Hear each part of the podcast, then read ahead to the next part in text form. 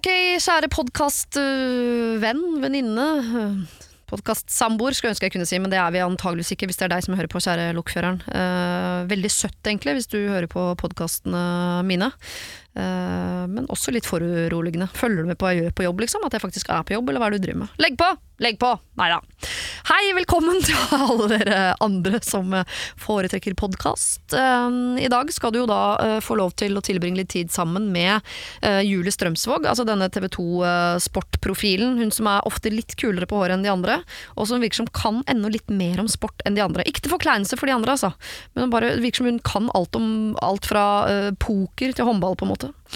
Så får vi også da Marcus Bailey, denne fire meter høye, konstant blide mannen, som jo også er en del av TV 2-konsernet.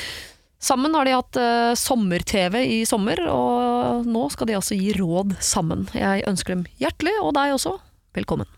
Siri og de gode hjelperne, lørdag og søndag fra 09.00 på Radio Norge. Da har uh, programleder Markus Bailey og fra TV 2-sporten Julie Strømsvåg uh, tatt plass foran hver sin mikrofon. God dag. God dag. God dag. Vi er litt sånn, jeg var usikker på når jeg satt og, tenkte litt før i dag om jeg skulle snakke med dere om sommeren som har vært, eller høsten som kommer, for vi er så innmari midt mellom der. Så derfor, istedenfor å ta et journalistisk valg, så legger jeg det i deres hender litt ut ifra om du tenker at sommeren topper alt, eller høsten kommer til å bli bedre. Jeg gleder meg litt til å bli sånn uberdeppa om vinteren. Jeg. Det har jeg begynt å tenke på. Ja, Spesielt. For du liker det, melankolien i det? Eller? Ja, ja, men det er litt sånn eh, Nå, nå har sommeren vært hyggelig, og så bare vet man at den der tunge, tunge vinteren er på vei. Og det er litt deilig å vite. Nå blir det en tung tid fremover. Oh, jeg syns ikke det er deilig å vite. oh, jeg er sånn, jeg Kan ikke denne sommeren bare vare litt til? Jeg vil være der jeg er nå. Jeg vil ha dager som er fullstendig strippa for noe som helst. Mm -hmm. Jeg har ikke lyst på høst. Jeg har ikke lyst på jobb, for å være helt ærlig. Jeg vil bare være. Ja. Har du hatt en sånn sommer hvor du bare har surra rundt? Ikke liksom museer som måtte besøkes og fjelltopper som skulle bestiges? Jeg har ikke gjort en dritt. Er det sant? Jeg har mygla på sofaen. Og det er jo litt av fysiske årsaker, men aller mest um... Du har hva for noe? Mygla? Nei, mygla, ja. Hva er det for noe? Du, du vet når, når, ting, når, det går mose på ting? Ja. Det, ja. ja. Du har ligget i sofaen og Jeg lå så i ro, på en måte. Ja. ja. Men det var jo egentlig fordi at jeg, jeg, gjennomførte jo, bare for at jeg skal høre litt sånn helt ut, jeg gjennomførte jo et VM um, med skade. Ikke sant? Ja. Så, så, for jeg, jeg, klarte jo å brekke ankelen mm. i juni. Ja. Og siden har jeg humpa rundt på noen krykker, og, og så endte det i en liten prolaps, og så Man hørtes jo veldig gammel ut, uh, Julie, men det er det jo egentlig ikke. ja. så, så, jeg har egentlig hela. Jeg har hela. Ja på hjemmet. Ikke gjort noen ting. Men kunne du ha gjort det også hvis du ikke hadde brekt ankelen? Bare fordi du eh, ja. liker det sånn? Yes. Så det var egentlig litt flaks, det der med ankelen. Det passa ypperlig. Hvilken serie er det du har sett på mest? Å herregud, jeg har sett så mye. Oi, ja, ikke sant? Beste, fort, bom, um, Euphoria. Ja, ikke sant? Mm. Oh my god! Hva, jeg hørte ikke. Euphoria, den nye serien til HBO. Mm. Ja. Handler den om sex? Jeg får stive nipler av å tenke på det.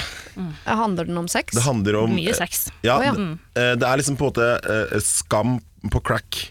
Å, uh, det er den, ja. Ja, ja. ja! Men Det er veldig godt forklart. Jeg har aldri prøvd crack eller sett på Skam, men jeg skjønner hvilken Da har jeg sett reklame for den uh, serien. Visuelt aldeles oh, nydelig. nydelig. Mm. Jeg vet ikke om jeg kan se den, for jeg har en datter som er Hun er nå bare syv. Men det er bare syv år til hun er 14. Mm. Ja. Jeg vet ikke om jeg orker det. Nei, ikke gjør det. Jeg, jeg, får, jeg, får, angst for alle ungdom der ute av å se på den serien. Ja. Det, er, det, er, det, er, forferdelig. Angst og stive nipler. Ja. ja der har du Markus Bailey, kort oppsummert. dere skal få lov til å hjelpe det norske folk så godt dere kan uh, i dag. Jeg har fått inn uh, masse gode problemer som uh, jeg trenger hjelp med. og vi starter hvert øyeblikk, så det er bare hvis dere trenger penn og papir Si fra, så skal dere få det, og så skal vi altså gå gjennom problem for problem de neste timene.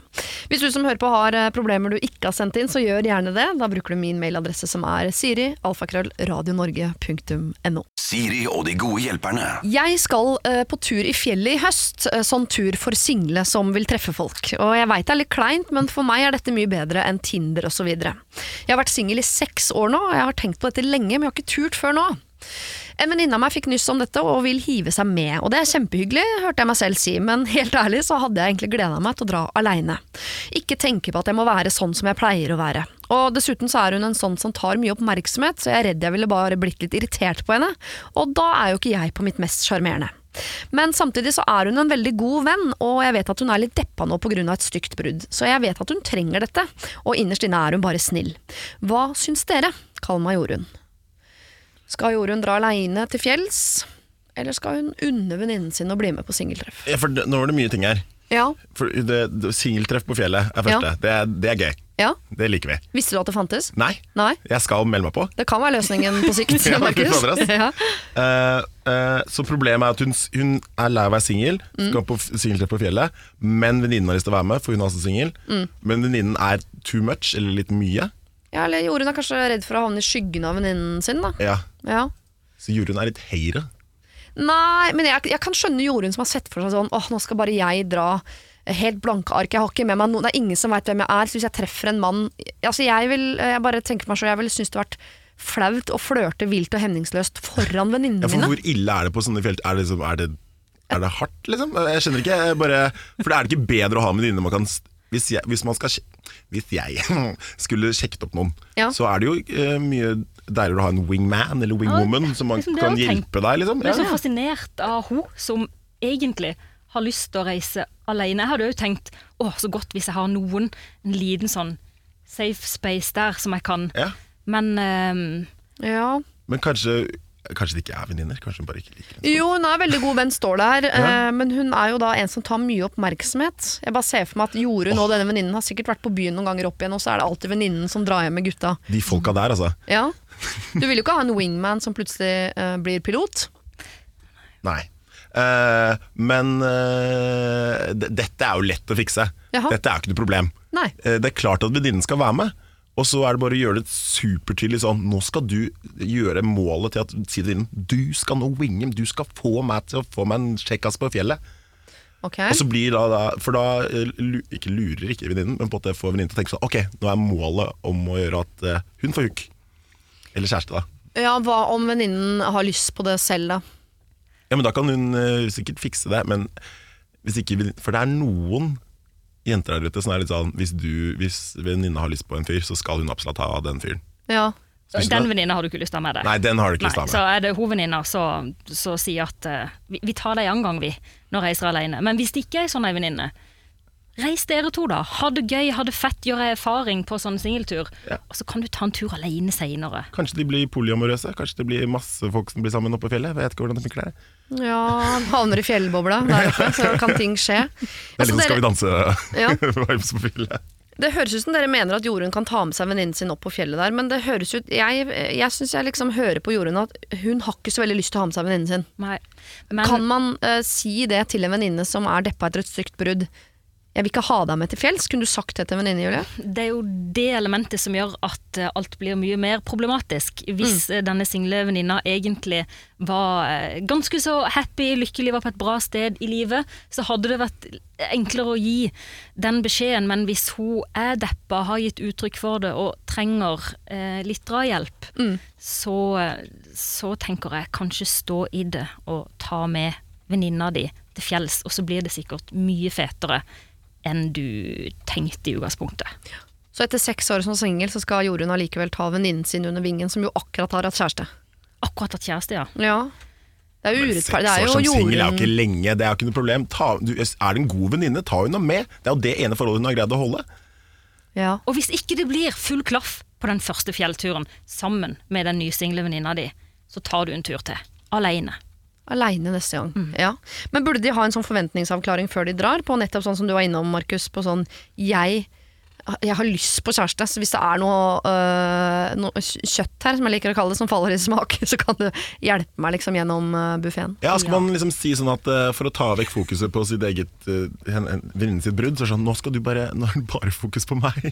Forferdelig. Det er ikke lov å si. Ja, det er Det er ikke lov å det. si. det, er ikke det. Ja, ja, men uh, hvis hun er en god venninne, og venninnen nettopp har blitt singel og har det kjipt, selvfølgelig skal hun være med. Og så er hun da en god venn, og så ofrer hun litt for uh, venninnen sin. Og så ha en god dialog underveis. Snakk sammen. Åssen går det med det? Åssen var han typen? Vil du være litt aleine der nå? Ikke sant? Gi beskjed til hverandre underveis. Ja. Så Litt backing. Litt backing. Ok, Jorunn, det høres ut som du skal, eh, altså du skal dra på fjelltur. Det er vi jo enige om. Du skal ta med deg venninnen din fordi du er en god venninne. Og så må du da passe på å ikke bli irritert sånn som du er redd for. Deg. Du må vise at du er en god venninne. Kanskje det er noen gutter oppe som faller pladask for det. At du viser nettopp den derre eh, at du spør hvordan det går, hvordan har du det nå. Og så kanskje ta en prat i forkant om sånn eh, Jeg har lyst på kjæreste, kanskje du kan hjelpe meg lite grann. Nå har jo du akkurat hatt Bare litt, Vei ordene dine lite grann, så ikke du virker eh, slem. Nå er det så- min tur! nå er det min tur! Jeg står først i køen! Sånne ting kan du jo si, da, hvis det faller deg naturlig. Eller pakk det inn i noe som høres litt mer spiselig ut. Eh, lykke til, Jorunn. Ha en fin tur på fjellet eh, med eh, masse potensielle menn for fremtiden, og en god venninne. Hvis du har problemer, så send det inn til meg. Det er altså da sirialfakrøll, radionorge.no. Siri og de gode hjelperne. Radio Norge. Vi har allerede da vært på singeltreff på fjellet, og nå har vi kommet ned fra den fjellturen, for her dukker det opp et potensielt eh, problem i kjølvannet av dette. De henger ikke sammen, altså. Dette er fra en som kaller seg fra Gulljenta, som skriver Hei, jeg har herpes type 2 og er singel. Herpes er slitsomt, men sjansen for å smitte noen uten at det er utbrudd er minimalt, spesielt hvis man bruker kondom. Likevel føler jeg en plikt om å si det til nye sexpartnere. Problemet er at folk blir skremt, og at det er usexy å opplyse om. Så mitt spørsmål er, er man moralsk pliktig til å opplyse om at man har herpes hvis man bruker kondom, og sjansen for å være smittsom er minimal? Hilsen Gulljenta. Først forskjellen på herpes 1 og herpes 2. Ja, det skulle jeg ønske jeg visste. Er det ikke munn og tiss? Nei, jeg tror eh, munn og tiss kan få samme sykdom. Jeg lurer på om uh, herpes 2 er den uh, som man bare uh, har.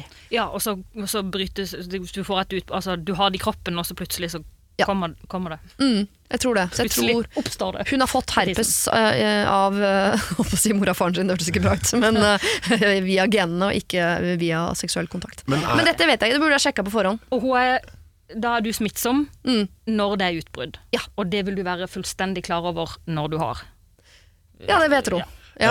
Jeg, jeg så på uh, Jun- Juntafil. Mm. De hadde jo en eh, hel sånn Ikke dokumentar, men eh, greie på eh, dette med herpes. ja.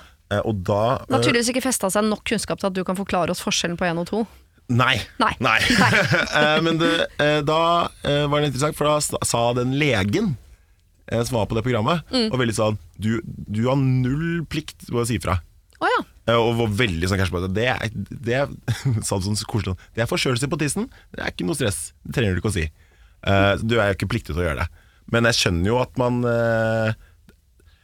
Jeg tenker sånn Hvis man, hvis man liker noen godt, Mm. så sier man ifra. Det er vel altså, det beste. num- nummer én, i hvert fall. Ja. Du bruker kondom Ja. hele tida, hver eneste gang. Mhm. Sant? Mm, mm. ja. Det er vi jo veldig dårlige på i dette landet. Jeg tror vi er det landet i verden som bruker kondom eh, sjeldnest. Ja, det er faktisk. Karpe og unge Ferrari sin skyld. Ja. Ok. jeg tror ikke vi brukte det før den låta heller. Nei. Men, men ehm, bruk kondom, og så tenker jeg at nei, du er ikke Ja. Du er ikke! Bruk kondom! ja, Jeg måtte tenke sånn. Um, men jeg tenker du er ikke pliktig til å fortelle at du har herpes hver gang du får en ny sexpartner. Nei, men da er man moralsk pliktig til nettopp det med kondom, men også ved utbrudd kanskje eh, å øh, vente i det hele tatt. Ikke ha sex med tilfeldige øh, partnere ved utbrudd av herpes. Nei, det, nei. Det, er- da går man jo ut for å, Da vil man jo spre. Ja, og det, tenk- Der har man vel en moralsk eh, plikt. Men jeg er enig i at man kan jo ikke si det hver gang man treffer en fyr som man liker lite grann. For det er jo klart at eh, jeg tror hvis jeg hadde truffet en fyr på byen som jeg likte godt nok til at eh, vi den kvelden skulle finne på noe, eh, så måtte jeg først ringe mannen min og spørre om det var greit. Og så jeg er mye her, men eh, hvis han hadde toppa det med å opplyse med sånn Du, forresten, jeg har herpes type 2. Så kan det hende jeg hadde eh, tatt første bussen hjem. Det må jeg innrømme. Oi! Ja, det tror jeg kanskje jeg hadde gjort. du, men, da, men den Det kan hun på en måte ikke helt forholde seg Hun, må, hun får det svaret hun får. Ja. Um, hun må ta et valg om å Hvis hun da involverer seg med noen, og selvfølgelig opplyser om det på et, på et uh, riktig tidspunkt, når kanskje eh, kondomsexen opphører. Ja, jeg tenker jo liksom at det er eh, jo, jo dypere du går inn i det, jo større blir problemet. Så eh, jo, hvis, du eh, skal, hvis du liker noen, Mm. så burde man si fra. ja. Fordi det kommer jo til å komme opp. Ja. Uansett. Eh, hvis man blir sammen og altså Det er ikke sånn plutselig bare sånn ah, du, For da er det, da er det for seint. Men Så i situasjoner som er åpenbart et one night stand, så er man ikke moralsk pliktig til å si fra. Men hvis du er på vei inn i noe som kan bli et forhold, så kan det være greit med en liten sånn headset på det. ja, for hvis en person er villig til å ha sex uten kondom, er du ikke villig til å ta risken òg? Er ikke det Det hørtes brutalt ut, men på en måte Det er Ja. det man gjør når man ikke bruker kondom. Da er man sånn Ja, da kan det er jeg villig til å få alt. Ja, for det er jo Men hun eh, virker jo så snill og fin. Nei da. Jo, men jeg tenker på at Det kan jo dukke opp ting som er vanskeligere å bli kvitt enn herpes 2. Ja. Altså Ting som du ikke blir kvitt før de er 18 og bestemmer seg for å dra på folkehøyskole. på en måte. Eh, og Da tenker jeg at kondom kan være en god idé uansett. da. Ja. Eh, nå høres vi veldig eh, voksne og ordentlige ut, og det er vi jo også hos her i veldig gjøre. Gulljenta. Jeg, jeg skjønner hva du spør om her. Er du moralsk pliktig? Da vil du at vi skal svare nei, og det er det vi kommer til å gå for også. Nei, du er ikke moralsk pliktig til å opplyse om det, men da er du moralsk pliktig til å være veldig eh, flink til å bruke kondom, veldig flink til å kanskje ikke ha sex i de periodene hvor du har utbrudd, og være veldig flink til å si fra den gangen du føler at nå er jeg på vei inn i noe som kan potensielt bli et forhold. Siri og de gode hjelperne. Lørdag og søndag fra 09.00 på Radio Norge. Kjære Siri og de gode hjelperne. Vi er tre gode venninner som deler det meste, også klær. Kall oss Hanne, Kari og Mette. For tre år siden så kjøpte Kari en eh, veldig dyr jakke, som dessverre var litt for liten. Og det er typisk Kari eh, å tenke at den kommer til å passe en eller annen dag hun har gått ned i vekt. Enn så lenge så sa hun at vi to andre gjerne måtte passe på denne jakka for henne. Han og jeg prøvde den begge to, men Hanne mente den var litt for stor, og jeg var litt lunken sjøl. Så etter litt tid så spurte Kari om ikke hun kunne få jakka tilbake, i og med at ingen av oss andre ville bruke den. Da sa Hanne at det var jeg som hadde den, men jeg mente at Hanne hadde den, eller at Kari allerede hadde fått den tilbake. Det mente hun bestemt at hun ikke hadde, og ba oss lete litt mer. Vi sjekket i alle skap, både Hanne og jeg, men sa at dessverre, det er nok du som har den, for det er ingen av oss som finner den. Så har vi liksom ikke hørt noe mer om det, og Kari hun bestilte etter hvert en ny eh, jakke, altså samme jakke i ny størrelse, og den har hun brukt masse. Men så fant jeg plutselig denne jakka på loftet hjemme hos meg, med merkelappen på og greier. Og nå tør jeg ikke å si at jeg har funnet den, for jeg var såpass bestemt på at den jakka, den hadde ikke jeg. Men jeg lurer jo på, øh, må jeg si det, eller kan jeg kaste den, gjemme den tilbake på loftet, eller kanskje til og med selge den? Lurer Mette da på. Kjempegøy. Jeg skjønner jo, Mette, det er dødsflaut hvis du har stått omtrent og vært øh, sånn oppi trynet på venninnen og sagt sånn 'Jeg har ikke den jakka!' Ja. Jo, det hadde jeg, ja. Tenk den følelsen når hun finner den jakka. Og bare, sånn, jeg kjenner nesten jeg rødmer sjøl. Ja. Og da skjønner du hvordan Mette har det. Hun har ikke noe lyst til å gå og si det til venninnen sin. Må hun det, syns du, Julie? Jeg syns ikke hun må. For det er jo en Nei, men det er jo ute av verden nå. Dette her er jo ikke noe issue lenger. De har jo ikke noe, de har jo ikke noe problem seg imellom disse tre nå pga. den jakka. Det er, det Nei. er don deal. Liksom, ferdig med det. Ny jakke. Ok, litt utgifter på Okari, da, Ja. til den jakka. Eh, men kanskje det er litt sånn eh, Kanskje en bra øvelse for henne. Å, å, å ta den der walk of shame der. Å, så du snur? Så du mener at Ja, jeg mener ikke at hun må. Hun Nei. må ikke, men kanskje det kan være en litt sånn interessant eh, øvelse å, å, gjøre det. Nå ser jeg på på hele deg at du ble veldig usikker. Nå så vifta du fram og tilbake i øynene. Ja, for nå har du det typiske blikket som signaliserer sånn Jeg syns at Mette skal gjøre det, jeg ville aldri gjort det sjøl. det er et veldig vanlig blikk å ha i dette programmet. Nei, men det er Det kommer an på hvilke venninner det hadde vært. Ja, ikke sant. Ja. Jeg liker jo alltid å ta opp Ibsens livsløgn.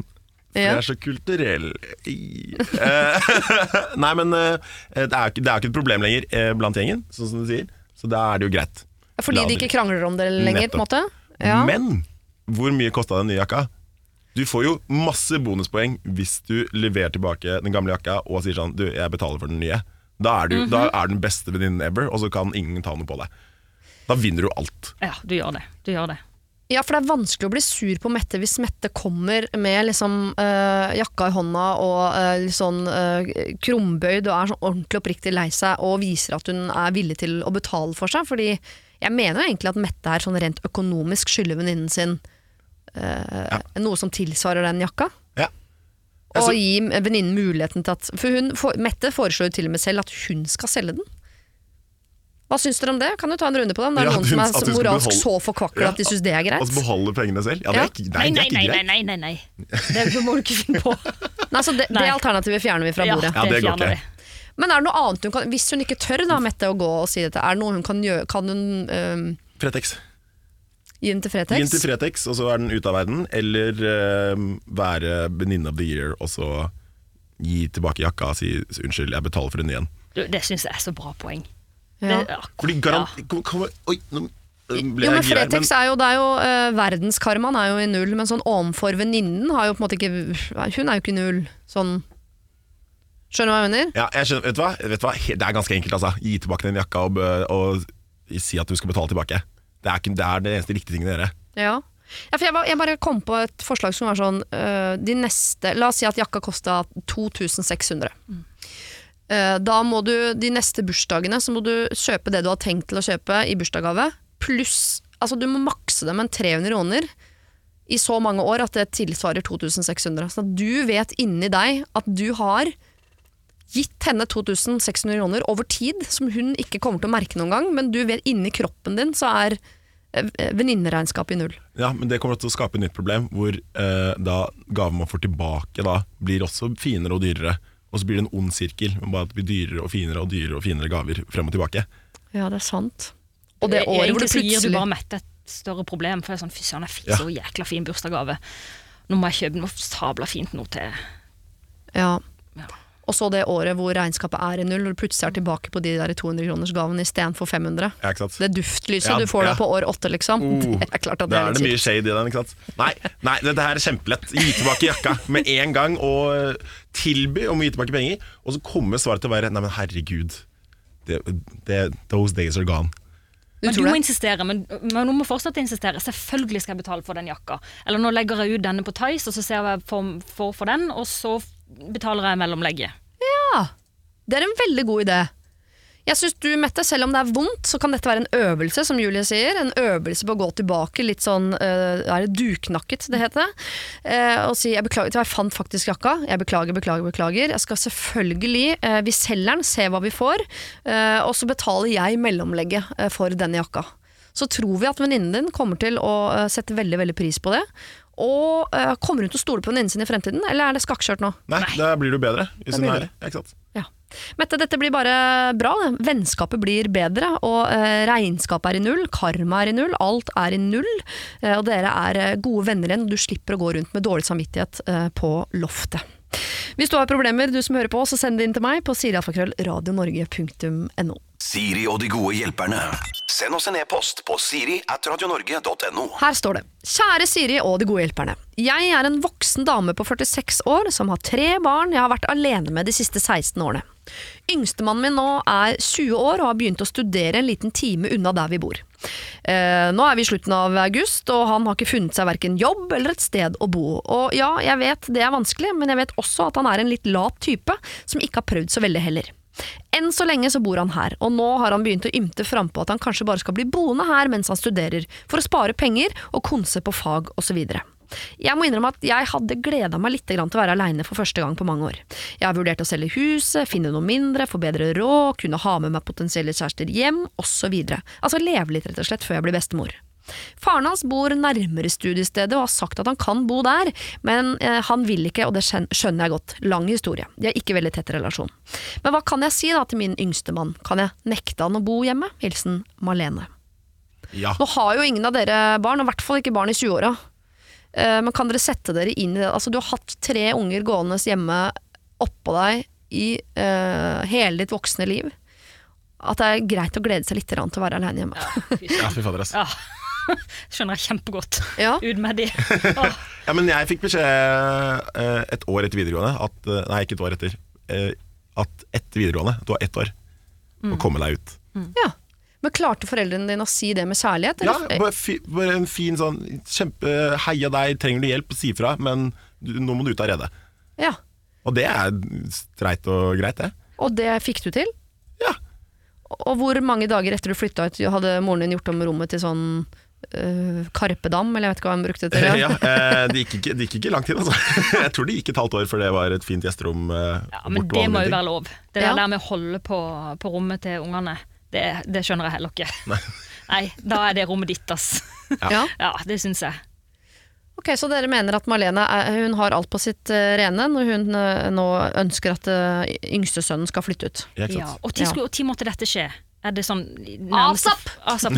Han begynner nå. Han Han begynner vel, har vel antageligvis begynt å studere nå i disse dager, da. Riktig. Og den der, den der unnskyldningen som alle unge bruker sånn Ja, for da kan jeg fokusere på fag. Det er så bullshit, det. Ja. Ja, det er så tull. Så man fokuserer så mye bedre på faget hjemme enn det man gjør når man bor borte.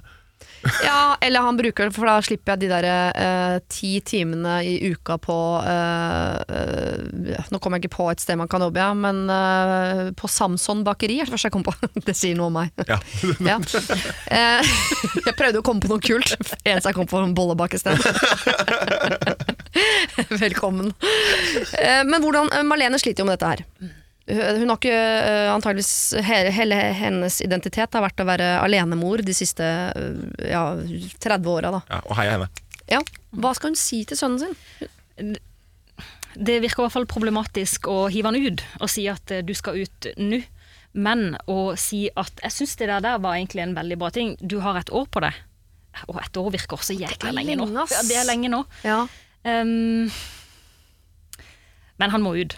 Ja. Det, altså det, det, jeg tror ikke det er godt for han, sunt for han eller sunt for hun at de skal bo oppi hverandre hvis hun virkelig ikke føler at det er riktig nå. Det er på tide å ut av redet.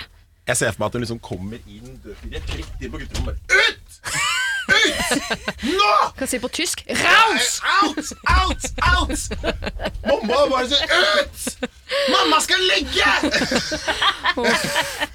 Hvis hun begynner å ligge, så kan det hende at sønnen er relativt fysen på å komme seg ut, og at han får litt grann, eh, Ja, kanskje hun bare skal begynne å ligge? Å Ja. gud a meg. Å nei. Å, Ja, men da å tenk så dramatisk og forferdelig. ja. Men kjempegøy. Ja, gjør Ja. det. Ha med masse kommer Masse folk. Masse folk. Ja. Gå på fjelltur, dra de med ned igjen. Gi de herpes. Ja, Kom igjen! Men jeg tenkte på også uh, dette med å gi en slags tidsfrist. Da. Du fikk et år, uh, Markus. Det syns du var litt lenge, Julie. Kanskje hvis hun faktisk vurderer å finne seg et annet sted å bo, et litt mindre sted, billigere sted, og si at uh, jeg er på jakt etter et nytt sted å bo. Den dagen jeg finner det, så kjøper jeg det, og da er det ikke plass til deg på flyttelasset. Så vi må sammen, begge du må lete etter et sted å bo, jeg må lete etter et sted å bo. Enn så lenge bor vi her i dette bløtkakepalasset. Meget ryddig. Fader, ass, det, er, det, er, det er ikke rart at du har det programmet. her. Nei. For for et nydelig problem solve. Uff! Blitt rimelig Ja, løsningsorientert. Rimelig god, altså. Den der var nydelig. Sånn. Ja. Men, men man blir vel uh, ja, Nei, vet du hva, dere, jeg slipper dere ikke av Nå trodde dere at vi hadde løst problemet, jeg slipper dere ikke innom. Uh, fordi uh, det er en ting hun har nevnt som ikke vi har tatt tak i det hele tatt. Faren hans bor jo rett ved studiestedet og har sagt at han kan bo der. De har ikke noe tett relasjon, og han vil ikke. Nei, men det, skal, det, det høres ikke ut som ei løsning. Eh, Fordi- Faren er av ofte hook. Hvis det er en dårlig relasjon av en grunn her som ikke vi vet, Mm. så høres det jo ikke ut som at det er bærekraftig at han skal flytte til sin far. Ja, hun vil jo ikke at uh, sønnen skal ha det dårlig. Nei, sant. Så det er jo bare Det er ikke noe vits. Jeg skjønner ikke helt hvorfor det kom opp. Det er, ikke- det er ikke noe alternativ. Jo, han har jo lagt det fram Altså far her har lagt det fram som et uh, alternativ, og da kan jo ikke relasjonen være så dårlig at de ikke tåler trynet på hverandre. Nei, men- Kanskje det er dette som er anledningen til at den ikke så veldig tette relasjonen blir nettopp tett, da. Det eh, er i hvert fall, eh, For hos sin del så er det jo i alle fall sånn at han blir Han storker uten et sted å være. Han blir ikke kasta på gata når hun finner seg en ny leilighet. Det er en løsning for han. Mm. Han har ei seng, han har et rom han kan bo på, som kan gå i en skøyd. Så, eh, så det er jo bra for henne. Ja. ja, for han høres jo litt bortskjemt ut òg. Sånn 'Jeg har ikke funnet noe, jeg har ikke jobb, jeg vil bo her'. Jeg vil ikke bo hos pappa, kjenner han ikke så godt. Jeg bare tenker at Hun kan jo være litt streng på å dytte han over til far. Og trives han ikke der, så kan han jo flytte videre, Ikke sant? Da, da brenner det litt under føttene på han. Han må, mm. Ja, Han må bli han må, ja, han må fikse seg sjæl. Han er 20 år, liksom. Å, mene. ja. eh, Malene, her har du noen alternativer, men alternativet er ikke at han skal bli boende hjemme bare fordi du har dårlig samvittighet. Eh, alle her har eh, all forståelse for at du har lyst til å ha litt tid for deg sjøl. Du kan eh, gi han en tidsfrist på at innen jeg flytter, så må du også flytte. Med mindre de som kjøper huset er fysen på å ha med seg en 20-åring. Det kan jo hende, man vet aldri. Eh, og hvor han da velger å flytte når du flytter, det får jo være opp til han. Om det er hjem til far, eller om han da finner seg en, eh, en hybel, eller hva det måtte være. Og syns du det høres for lenge ut, ja, så må du begynne å bare ligge med folk. Det er ikke så ofte jeg sier. Da må du begynne å ligge med folk. Da skal du se at sønnen din han kommer til å flytte ut i løpet av helga. Siri og de gode hjelperne. Send oss en e-post på siri at radionorge.no. Europe på Radio Norge med sin eh, The Final Countdown. Jeg har gitt helgens gode hjelper en eh, velfortjent eh, pause, eh, fordi jeg skal skru tiden tilbake til 1. juni. 1. juni var Mine Hajan og Runar Søgaard her, og en av de vi skulle hjelpe var en dame som var litt frustrert. De skulle ha dåp, og til denne dåpen så var jo svoger invitert, men svoger har fått seg en dame som ingen likte. De har vært sammen i to år, og det var nå en gang sånn at hun ønsket å nærmest altså få lov til å invitere svoger uten følge. Men hun merket jo at det ikke er helt gjengs, og ba oss altså om våre synspunkter. Og noe av dem skal du få her. Dette er altså hva Mine Hajan og Runar Søgaard mener kan være lurt å tenke på i en sånn eh, situasjon. Det var annerledes om det var liksom en ny flickvän eller noe? Ja, men herregud. Altså, hvis det bare er at du ikke liker henne, så syns jeg egentlig bare familien skal stramme seg opp litt. Man må ha respekt for en persons egne val. Men bare skjerpe dere, slutt å være så forbanna barnslige. Det er jo familien som har problem. Alltså, oavsett hvor videre en er, mm. så det fins alltid samtalsemner man kan prate om. Man kan prate om musikk, man kan prate om väder, man kan prate om liksom, saker og ting som hender. Altså, man behøver liksom ikke bli kjempeengasjert. Det der var altså noe av det Mina Hajan og Runar Søgaard mente kunne være greit å tenke på når man vurderte å eh, ha dåp, hvor man ikke inviterer med følge nødvendigvis. Vil du høre hele problemet i sin helhet, altså, både problem og løsning, så må du laste ned podkast fra 1. juni. Fått eh, mail fra denne dama, eh, og her skriver hun altså Kjære Siri. Takk for at dere tok opp problemet. Vi har nå bestemt oss for å droppe det opp, så dilemmaet er kanskje borte. Ja, kanskje vi trenger en god runde terapi alle sammen, men noen mennesker suger energien fra deg, og alt du gjør er gjort før, bare 100 ganger bedre. Sånn gikk det denne gangen. Blunkefjes, takk for hjelpa. Du, øh, jo, bare hyggelig, det var så lite, og det, det, det mener jeg jo. For her har man jo på en måte bare hoppet ut av et problem, og å hoppe ut av et problem betyr jo at man er kvitt problemet på mange måter, men du er ikke kvitt altså det som var problematisk i familien. Eh, Kanskje man trenger en god runde terapi. Eh, Jeg håper du er komf, altså komfortabel med at det ikke blei noe dåp. Man skal jo ikke egentlig la seg styre sånn sett av at folk i familien ikke klarer å oppføre seg ordentlig. Siri og de gode hjelperne. Hei Siri og de gode hjelperne. Jeg er en mann i 30-åra som har mistet jobben min for en stund siden. Jeg syntes det var skikkelig flaut å bli sparka, og hadde ikke så veldig lyst til å fortelle det til noen. Ikke engang til min samboer. Løsningen på problemet ble at jeg heller tenkte at jeg skulle finne meg en ny jobb ganske fort, og bare si til henne at jeg plutselig hadde fått et jobbtilbud. Men jobbene har dessverre, eller jobbtilbudene har dessverre uteblitt. Eh, nå har det gått fire måneder, og jeg er fortsatt arbeidsledig. Så nå tør jeg ikke å si det til henne. Jeg går alltid først ut av døra på morgenen, og jeg venter et stykke borti gata til hun har dratt hjemmefra, sånn at hun tror at jeg er på jobb. Og som arbeidsledig så har jeg bare sparepenger å bruke på husleie og diverse. Siden det nå har gått såpass lang tid, så syns jeg det er ekstra flaut å fortelle henne hva som egentlig foregår. Jeg er livredd for at hun kommer til å gjøre det slutt med meg og kaste meg ut. Så hva gjør jeg? Helge. Åh, den gjorde vondt. Hadde du kastet, jeg må spørre, altså, Da må jeg spørre deg først, da, Julie, som er i et forhold. Hadde du kasta ut typen din hvis det viste seg at han øh, var arbeidsledig, og i så fall hvorfor? Fordi han var arbeidsledig, eller det at han jugde om det? Ah, Absolutt ikke kaste han ut.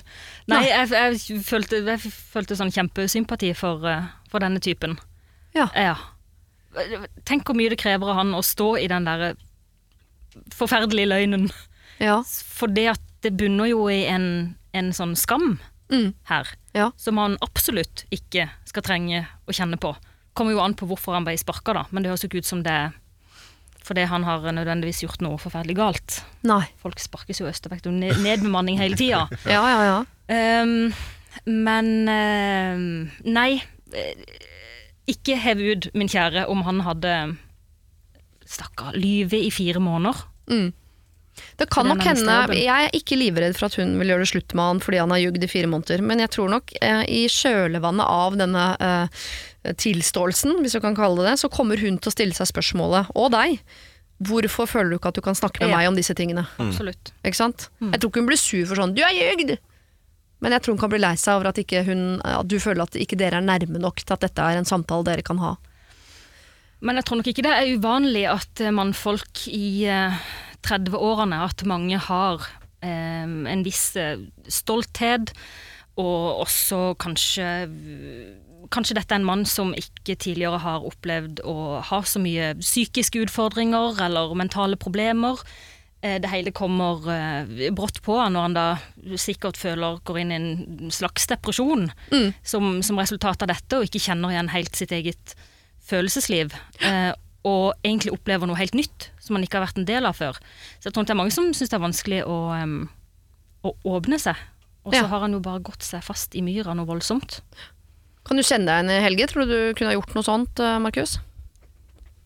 Nei, det skaper jo så mye flere problemer eh, jo lenger tid det går, og jo mer man ikke snakker om det.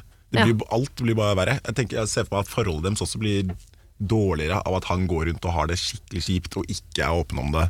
Og så blir det sikkert eh, ja, mye drit rundt det. Ja. Så det er bare, ba, Alt eh, der er skikkelig trist og uh, kjipt.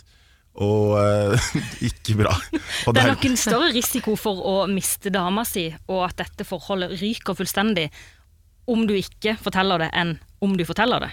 For det må jo være ei helt merkelig stemning i det hjemmet. ja, Ja. ja. Ja, for jeg tror eh, eh, Hvis eh, min mann hadde kommet til meg og sagt sånn Jeg har jugd i fire måneder, vært arbeidsledig, jeg har ikke turt å si det, så ville jeg tenkt sånn Herregud, så søt du er. Eh, Fordi jeg ville tenkt at det var veldig sånn At det var noe fint at han turte å være så sårbar eh, og, og liksom eh, tilstå overfor meg. Ville, hele den pakka ville jeg likt. Og så hadde jeg begynt å tenke sånn Hvorfor føler du ikke at du kan snakke med meg om dette? Og så hadde jeg blitt sur for sånn Har du brukt opp alle sparepengene dine på dette? Nå som jeg er eh, i 30-åra og trenger Vi er i etableringsfasen, og så har du gått bare og brukt opp masse penger i fire måneder fordi du ikke har turt å si noen ting til meg. Ja. Uh, og, og så hadde jeg blitt uh, noen sånne ting jeg kanskje kunne blitt irritert for sånn down the line, men ikke, ak ikke blitt sur for at han hadde mista jobben. Nei, og i bunn og grunn så er også den derre eh, Hvor At kjæresten må se for seg hvor vondt han har det da også. Men med en gang han kommer frem og sier at han har liksom jugd i fire måneder. Så det kommer til å bli bare sånn «Uff, Stakkars deg, så forferdelig du har hatt det. La oss fikse det. Ja. Det er min umiddelbare reaksjon, tenker jeg. Ja. Men hvis hun blir sint, da? Hva skal Helge gjøre da? Det har hun fullt rett til å være. Ja. 100 Da må du bare være i det. Ja. Selvfølgelig kommer hun til å være Det er Hallo! Du har jugd noen rett opp i trynet i fire måneder, som du skal dele et liv med. Det er ikke rett. Men hun kan også vise masse omsorg, og det kan også bli resultatet av det. At han får en god, god klem og forståelse, og får lov til å endelig si åssen han har det. Ja. Oh, jeg bare ser for meg det øyeblikket hvor uh, han sier fra, og hun liksom gir han den klemmen, og bare alt kommer ut.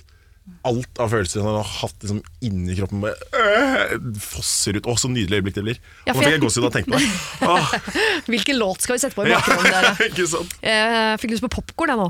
Nei, men eh, jeg tror at eh, Helge og, eller du, Helge, og din eh, kjære kommer til å komme hverandre nærmere når du tilstår dette, for det må du faktisk gjøre. Du spør hva gjør jeg? Jo, du må tilstå.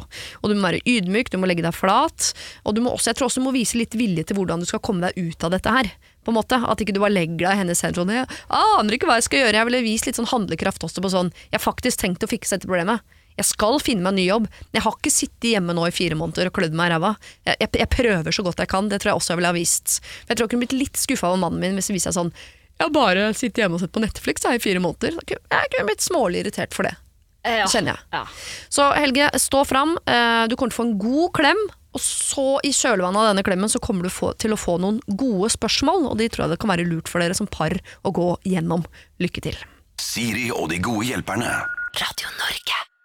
Jeg har altså da fått inn et uh, problem her som er av en litt annerledes karakter. Altså her er det ikke en konkret hendelse som uh, trenger å løses, men det er mer på sånn uh, generell basis, for her står det.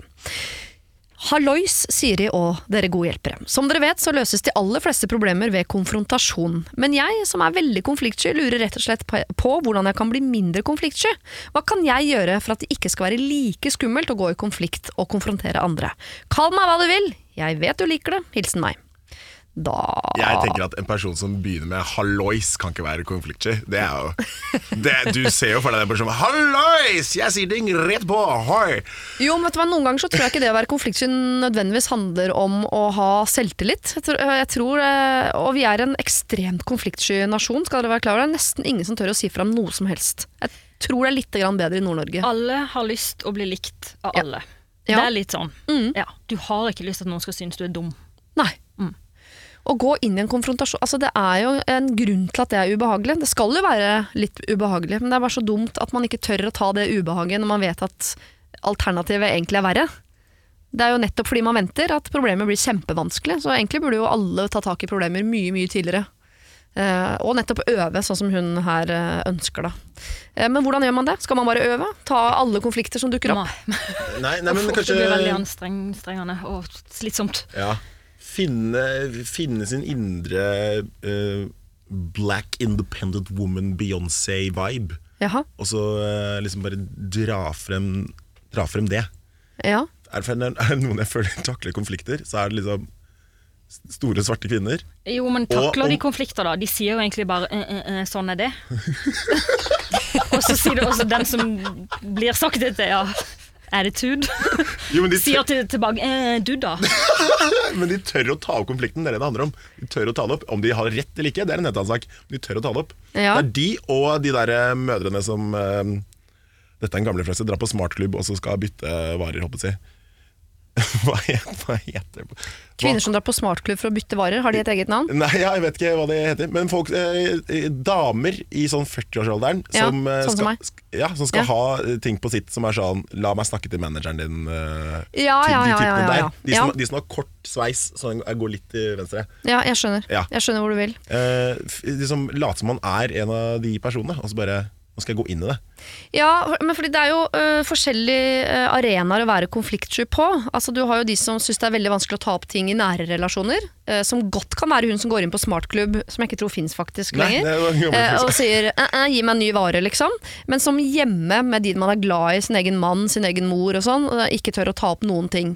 Og så er det de som ikke tør å ta opp konflikter i Som går og kjefter på mannen sin hver dag, neger på alt mulig, liksom. Men som på øh, bussen til jobb ikke tør å si fra om at han bak deg har på mobilringetonen sin for høyt. Sånne type konflikter. Eller ikke tør å si på restaurant 'unnskyld, biffen er frossen'. Eh, og så er det de som ikke tør å si fra til kollegaer, f.eks. Kollegaer og venner. Det er forskjellige ting. Skal vi nå tenke at de konfliktene vi snakker om her, er de som betyr noe? Ja. Ikke de på bussen, med andre ord. Ikke sant? Mhm. De som betyr noe. Jeg tror i alle fall ikke det er lurt å gå inn i en konflikt og tenke at jeg har rett på alt her. Da Nei. får du ikke løst en damn shit. Ikke sant? Sånn som Black Independent Woman Deck. Jeg tror ikke det er måten å gjøre det på. Eh, Du kan kanskje stå i speil i Superwoman-pose for å åh, kvinne deg opp, for å, for å våge, Mhm. men, men ikke gå inn med den holdninga at uh, du er feil og jeg har rett. Ja. Uh, hvis du går inn litt uh, ydmyk, Ja. med fokus på deg sjøl og hvordan du har det i forhold til dette, Mm. så tror jeg i hvert fall du vil bli møtt på en ok måte. Ikke alltid. Ja, det er få situasjoner i verdenssammenheng hvor ikke ydmykhet eh, ofte er eh, noe som er bra å ha med seg. Så kanskje hvis du går inn i konflikter med ydmykhet, at du er mer fokusert på at dette tar jeg opp fordi jeg ønsker å løse det, enn dette tar jeg opp fordi jeg har lyst til å eh, egentlig slå deg i fjeset, men jeg, jeg løser det med språk i denne omgang. Også... Kan være en, men dere var veldig nei når jeg sa sånn, skal kan bare ta opp alle konflikter som kommer? Det var dere veldig nei på. For, det, for dere syns det høres slitsomt ut? Ja, det, ja, det er ja, kjipt. tror jeg også er unødvendig Ja. eh, å ta alle konflikter. Begynn i alle fall med Ofte så tenker en eh, Hva ville du sagt til venninna di hvis hun opplevde dette? Hvis noen var stygge med henne, eller hun sleit med dette på jobben i forholdet sitt med ei venninne. Eh, hva ville du sagt til henne? Ja. Um, for det er litt lettere. Sier du nå at man skal se for seg masse scenarioer som kan liksom gå galt, og så bare sånn gjøre seg klar mentalt? Liksom. Hvis det kommer opp, så har jeg noen svar. Liksom, noen ting jeg kan ta opp klart. Uh, nei, det, det, det, nå skjønte jeg ikke hva Nei, du mente. Nei, jeg tror du mente det som at liksom, hvis, hvis venninna di har det kjipt, så se for deg at hun hun kommer til å ha det kjipt i en eller annen gang i framtiden, og da er du klar til å ta den konflikten. Ja, Prosjesser ditt problem over på ei du bryr deg om, eller Ja. en du bryr deg om. Ja. Eh, og du hadde sikkert sagt 'selvfølgelig må du ta dette opp', 'selvfølgelig må du ta den konflikten', 'selvfølgelig må du si ifra og ta din plass'. Du tar Ja. det kanskje ikke sjøl, men du ville sagt det til venninna di at det må du gjøre. Ja. Så det handler om å øve på en eller annen måte. Øve eh, både på innimellom ta uh, konflikter der det uh, betyr noe, uh, samtidig som du må øve litt på forhånd. Stå litt og være kvinne deg opp i speilet, men pøse på med ydmykhet. Og se for deg hvordan det vil være å være mottaker. Hva ville du ha rådet venninnen din til å gjøre, osv. Alle disse grepene her kan du kanskje bruke. Og så skal du få et ekstra lite tips av meg, som jeg har brukt, som er veldig av praktisk karakter. Si fra på forhånd til den du vil ta opp en konflikt med om at neste gang vi ses, så har jeg tenkt å ta opp en ting med deg. Fordi da kan du ikke trekke deg. Det er veldig veldig skummelt, jeg har gjort det mange ganger, men jeg bare vet sjøl at jeg er, eh, kan være konfliktsky, eh, og jeg kan ikke være det, tro dere meg.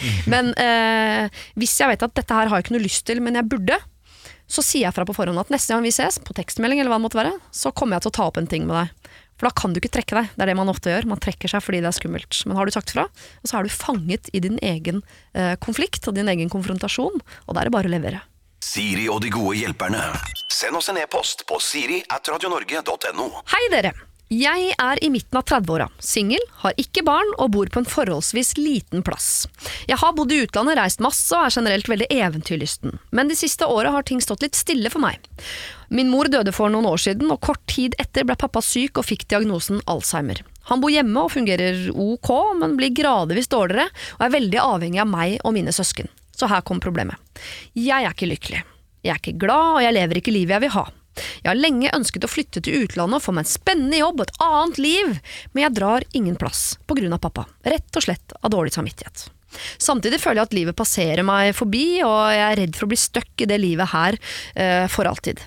Er jeg verdens verste og mest egoistiske datter fordi jeg ønsker å reise? Burde jeg bare reise, eller burde jeg bli her og stille opp for familien og leve det livet jeg ønsker når pappa ikke er her lenger?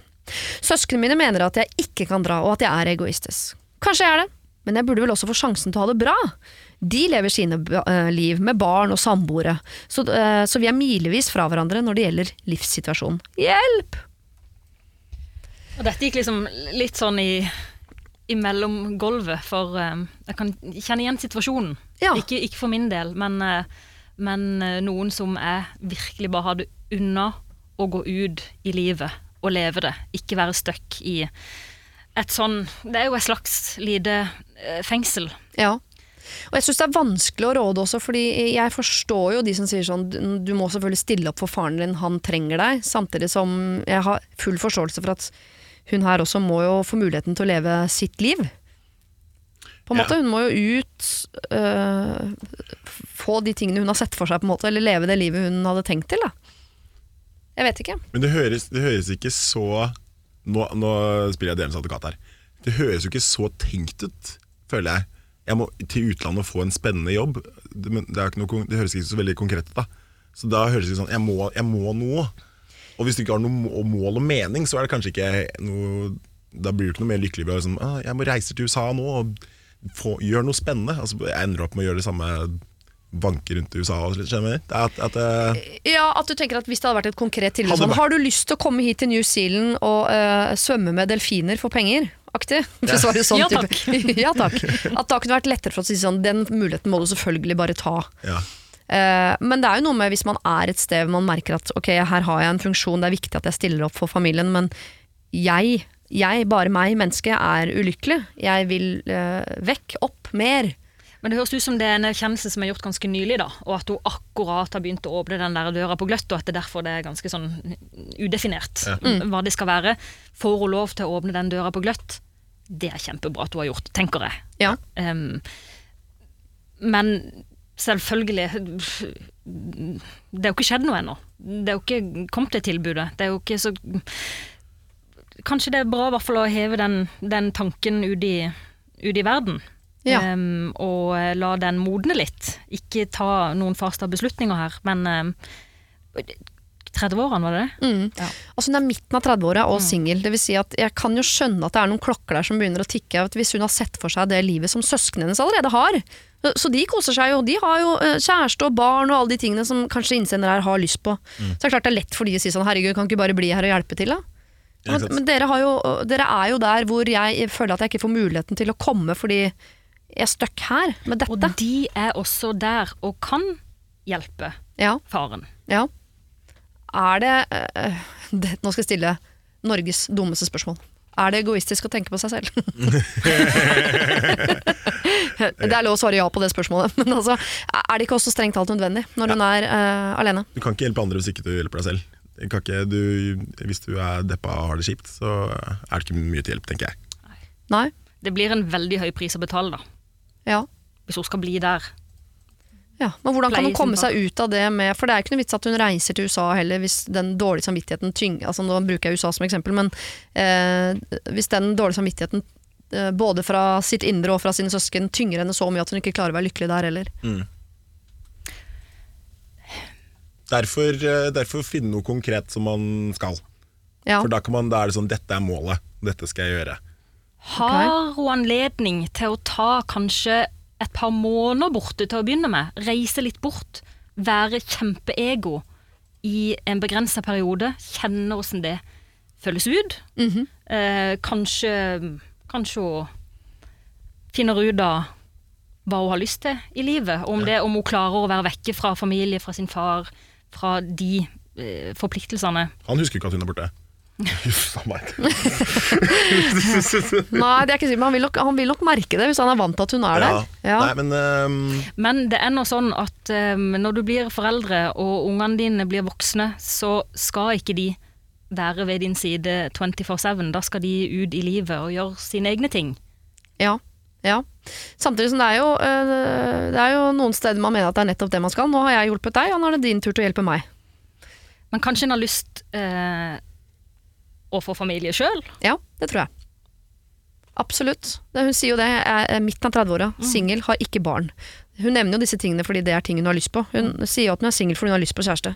Hun sier at hun ikke har barn fordi hun antakeligvis har lyst på barn. Men det vil Ikke ikke hindre henne å, å, få en kjæreste og, å bli hjemme. Det, Nei, det vil jo være fullt mulig. Ja, med mindre hun bor på et sted hvor hun på en måte har eh, en bygd da, som hun har eh, støvsugd for mennesker. Hvis du skjønner. Det er ingen potensielle partnere der. Det er ingen potensiell eh, drømmejobb. Kanskje hun ikke får brukt utdannelsen sin, hvem vet. Flytt til en ny by, og så reiser du hjem annenhver helg, eller ei helg i måneden. Ja. Det er jo søren meg oftere enn de fleste ser foreldrene sine som bor rett hen i gata. Ja. Jeg syns ja, Jeg synes ikke du skal høre så mye på søsknene. Det er lett for søsknene dine å si at uh, dine valg er egoistiske, når de har hatt muligheten før alt dette skjedde, til å ta de valgene du nå har lyst til å ta. De må du ikke høre på.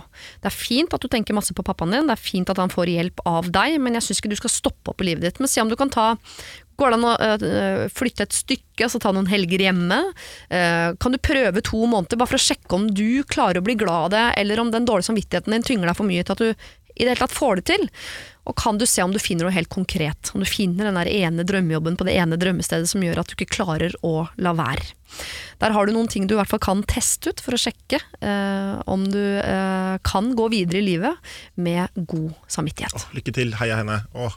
Siri og de gode hjelperne. Ok dere, Markus Bailey og Julie Strømsvåg. Jeg har et spørsmål eh, til dere. og eh, Dette gjør jeg jo hver eneste helg. Finner et spørsmål som jeg har lyst til å stille. Og her kommer det ofte veldig tydelig fram at jeg ikke har gått Journalisthøgskolen. Bare så at dere er klar over det. Uh, men det jeg har tenkt er at dere begge to på en eller annen måte jobber med sport. Eh, du som eh, sportsanker, er det det man sier i TV 2, Julie? Det kan du si, vet du. Og du Markus Bailey som har hatt et eh, fotballprogram for barn nå på TV 2 Sumo i lengre tid. Ballbingen. Ballbingen. Så dere er jo opptatt av sport på et eller annet nivå, men jeg lurer på, nå som dere har sett litt hvilke sporter som finnes der ute Hvis dere kunne velge et talent innen idrett, hvilket? Tennisspiller. Uh. Tjente masse spenn. Ja. Fordi, Nice. Er det bare pengene, eller tenker du at du eh, ville trivdes bedre i en idrett hvor du ikke måtte forholde deg til et lag, f.eks.? Det òg. ja. Også, også, også tenk på noe som må være drømmesituasjonen. Det er de som driver med sånn snowboard, twin tip eh, og reiser rundt med kompisgjengen og bare har det fett året rundt. Enten så surfer du Ja. på sommeren, eller så er du i pow på vinteren. Ja. Ja, De ser ut som de har Altså, de fantastiske har liv. det, Sandvik har det kult, altså. Ja. Jeg, jeg har alltid hatt lyst til å liksom bli fotballproff. ja.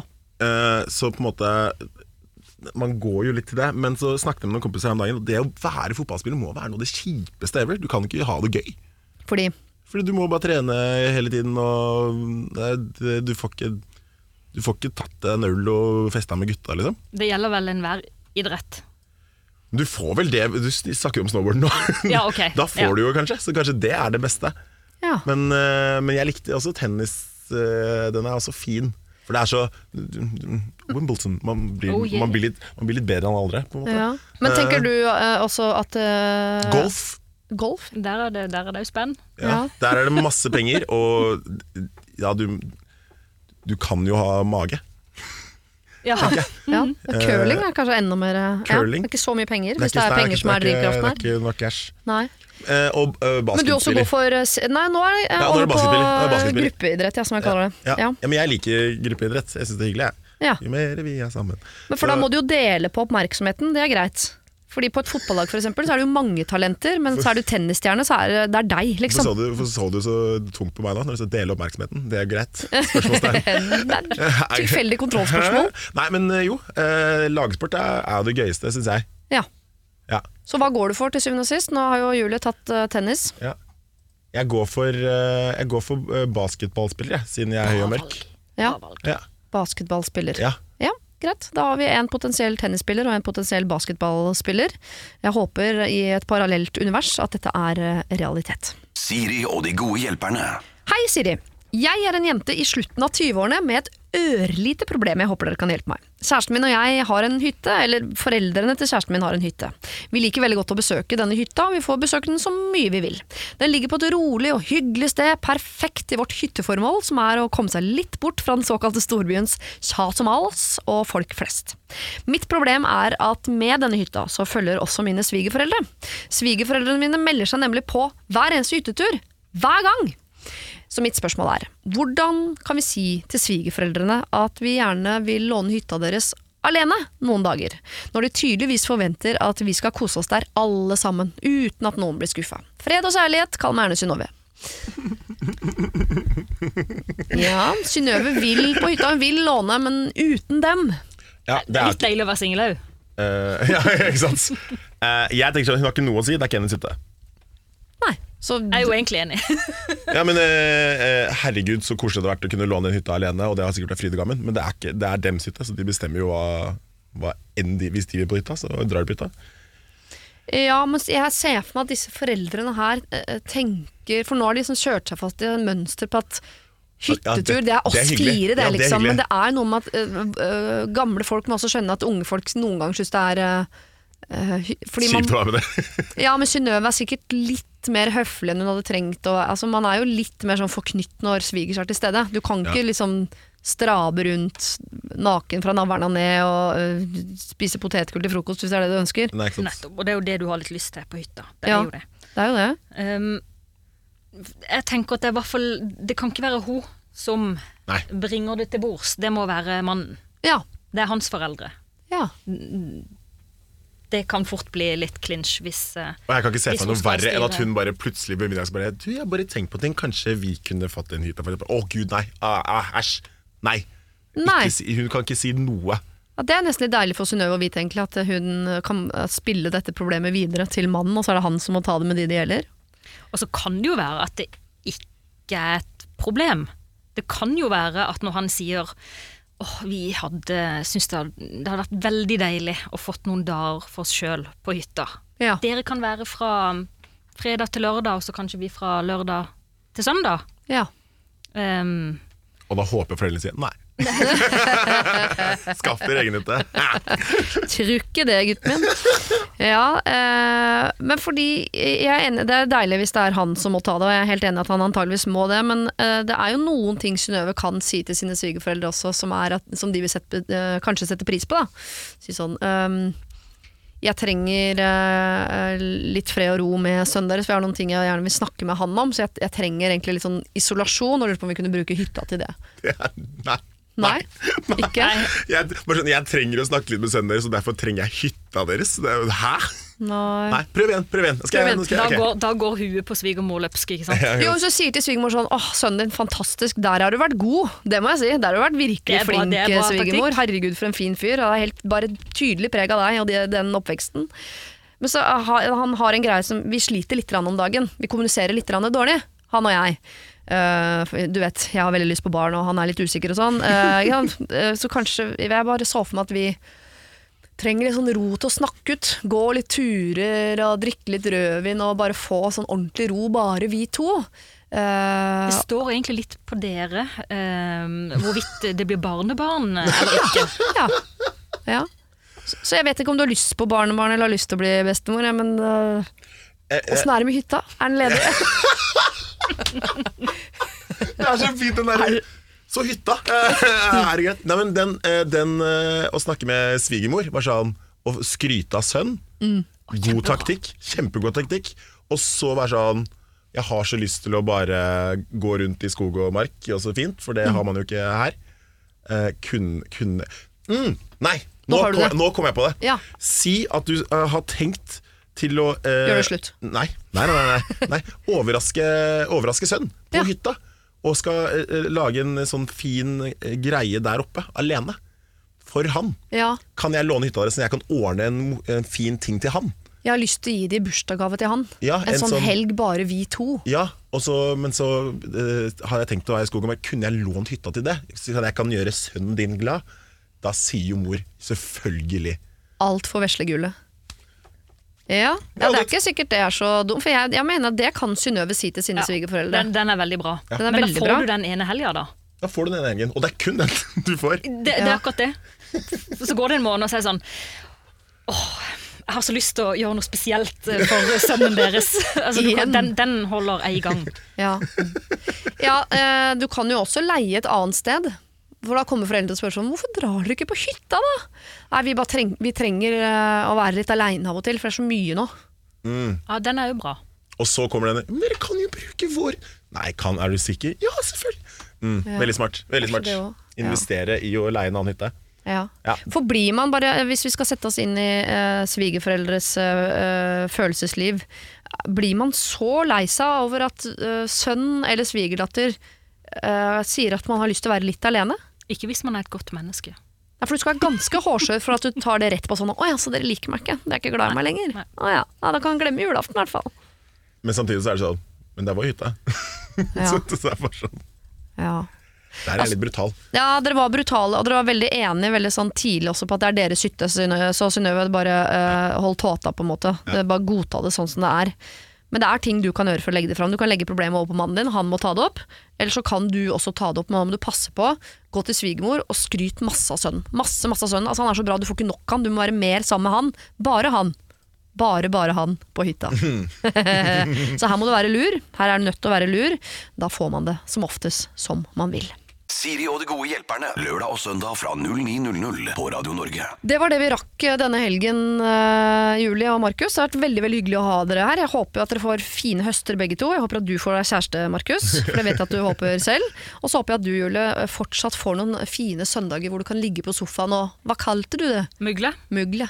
Ja. Skal mugle. Så Altså. mye jeg klarer. Ikke mugne, men mugle. Bare til dere som er usikre. Eh, ha det bra, da! Ha det! Vi er veldig gode på det der